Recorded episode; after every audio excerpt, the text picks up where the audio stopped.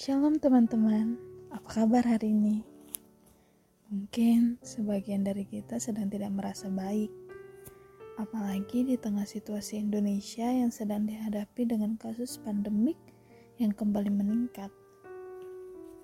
Tapi hari ini kita mau belajar untuk mempercayakan kepada Tuhan. Sebelum kita mendengarkan renungan ini, mari kita berdoa. Allah Bapa kami bertata dalam kerajaan surga, terima kasih ya Tuhan untuk hari yang baru yang telah Engkau berikan kepada kami.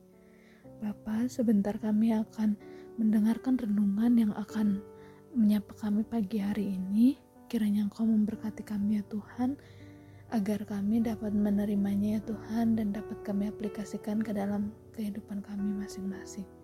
Terima kasih ya Tuhan, buka hati dan pikiran kami di dalam nama anakmu Tuhan Yesus Kristus kami telah bersyukur dan berdoa. Amin.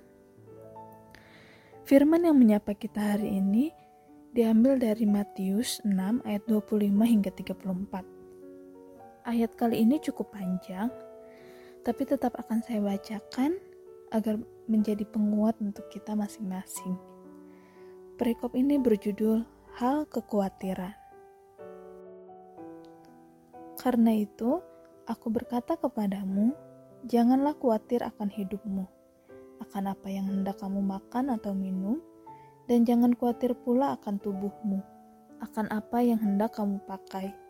Bukankah hidup itu lebih penting daripada makanan, dan tubuh itu lebih penting daripada pakaian?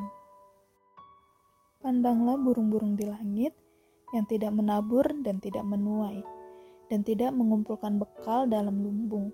Namun, diberi makan oleh Bapamu yang di sorga.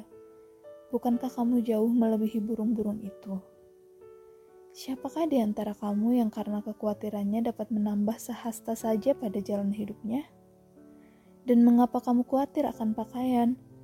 Perhatikanlah bunga bakung di ladang, yang tumbuh tanpa bekerja dan tanpa memintal. Namun, aku berkata kepadamu, Salomo dalam segala kemegahannya pun tidak berpakaian seindah salah satu dari bunga itu.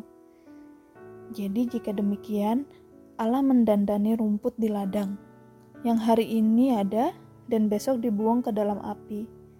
Tidakkah ia akan terlebih lagi mendandani kamu, hai orang yang kurang percaya? Sebab itu, janganlah kamu khawatir dan berkata, apakah yang akan kami makan? Apakah yang akan kami minum, apakah yang akan kami pakai.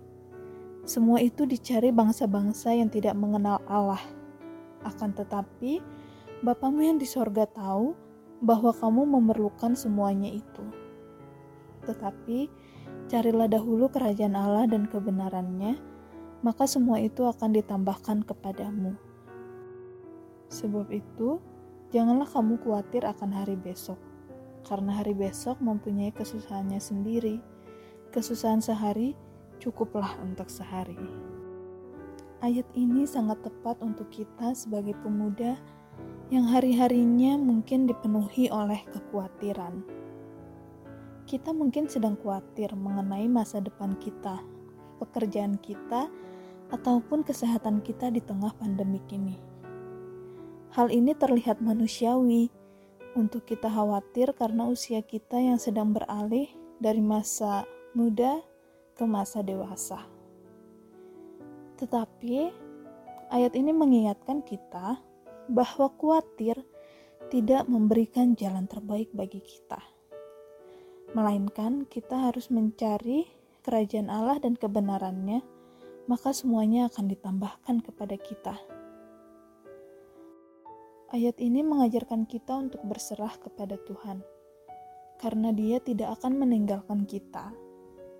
Hal ini tidak berarti kita hanya diam dan berdoa, tetapi kita harus tetap berusaha dan menyerahkannya kepada Tuhan.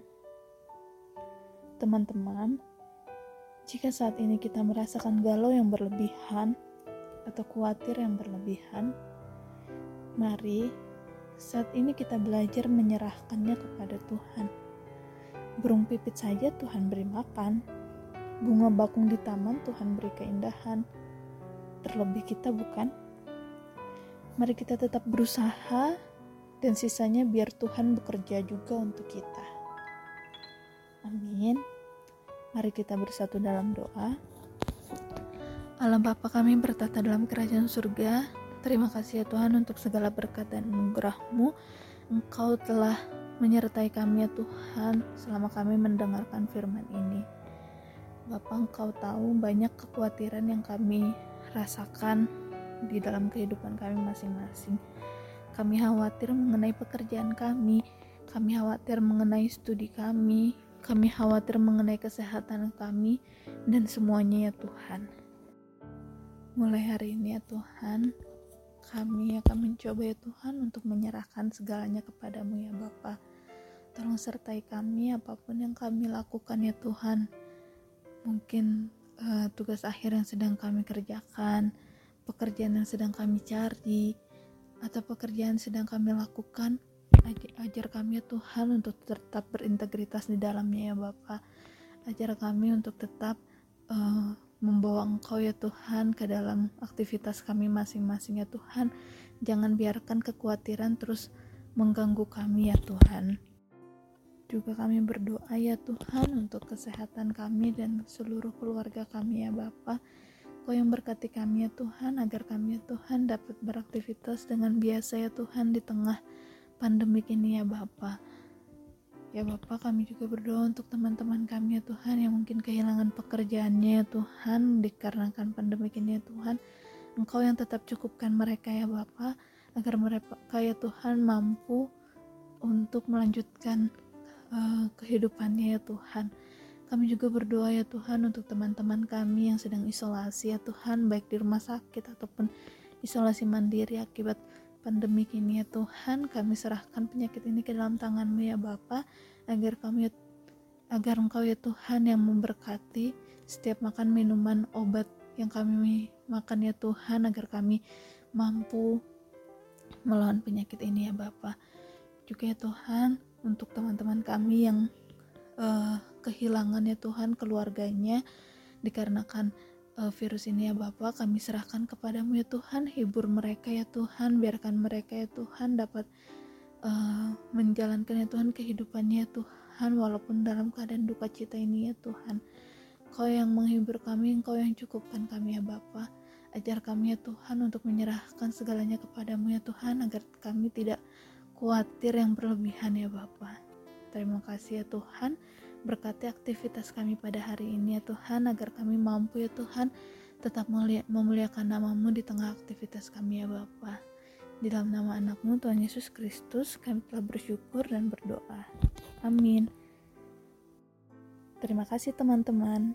Tetap jaga kesehatan ya. Tuhan Yesus memberkati.